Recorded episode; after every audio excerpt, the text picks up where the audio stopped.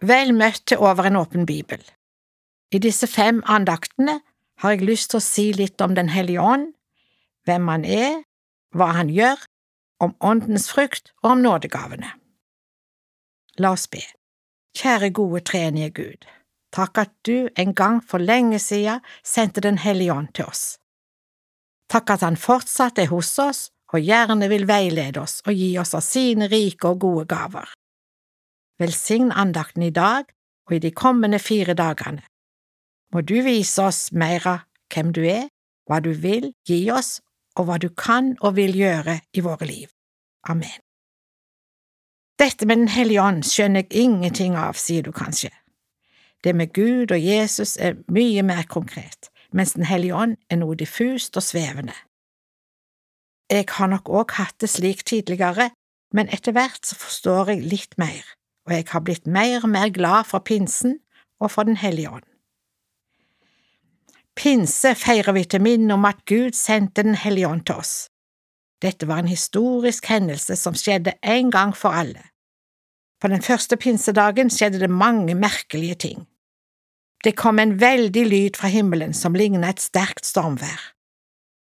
Og det kom tunger av ild som delte seg og satte seg på hver enkelt av disiplene.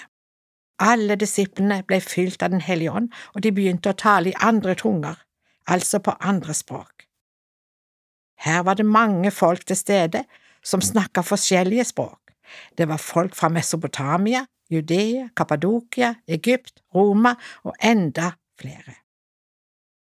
De ble alle forundra. Hva er dette, hva er det som skjer? Vi forstår hva de sier, de taler om Guds store gjerninger på våre egne språk. Andre spotta og sa de var nok fulle av vid. Da står Peter, Jesu disippel, fram. Han benekta at disiplene var fulle, men at en profeti av profeten Joel i Det gamle testamentet nå var gått i oppfyllelse. Profetien om at Gud ville sende Den hellige ånd.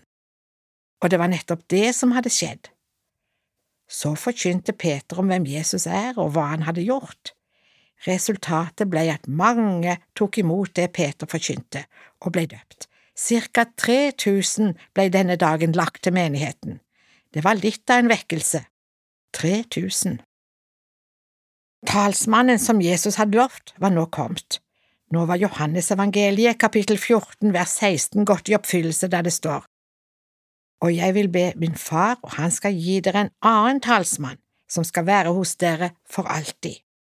Den hellige ånd skal være hos oss for alltid. Er ikke det flott? Talsmannen betyr trøsteren, hjelperen.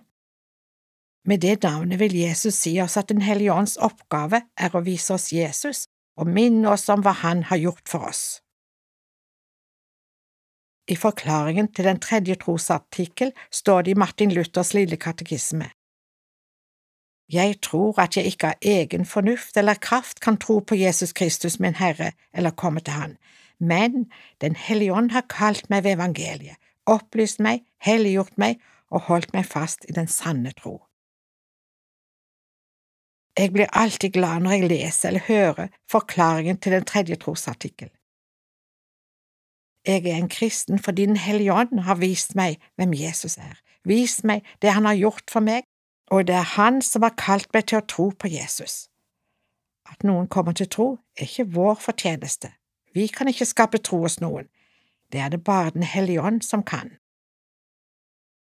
Men vi skal få be Den hellige ånd virke og kalle på våre ikke-kristne venner, familie og andre.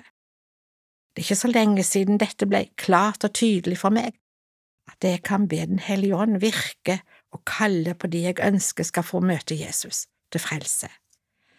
Det ble til stor, stor trøst for meg, og det var som ei tung bør falt av meg.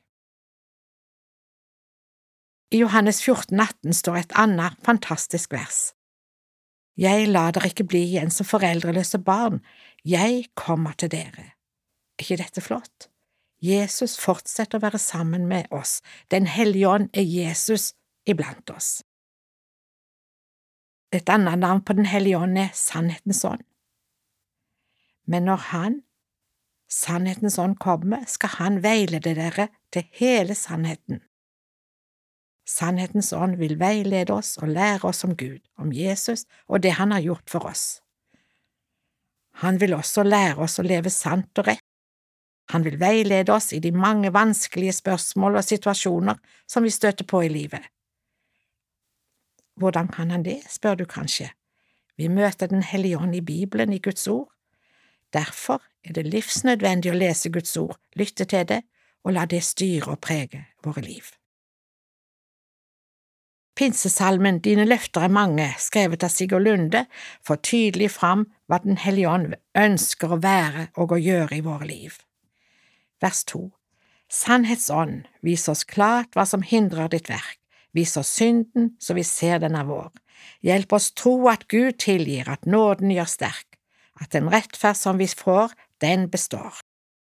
Vers 3 Hellig Ånd, vis oss Jesus, Hans godhet og makt, at han lever nå og er her i dag, at hans døde oppstandelse, slik han har sagt, vil gi kraft og mot til den som er svak.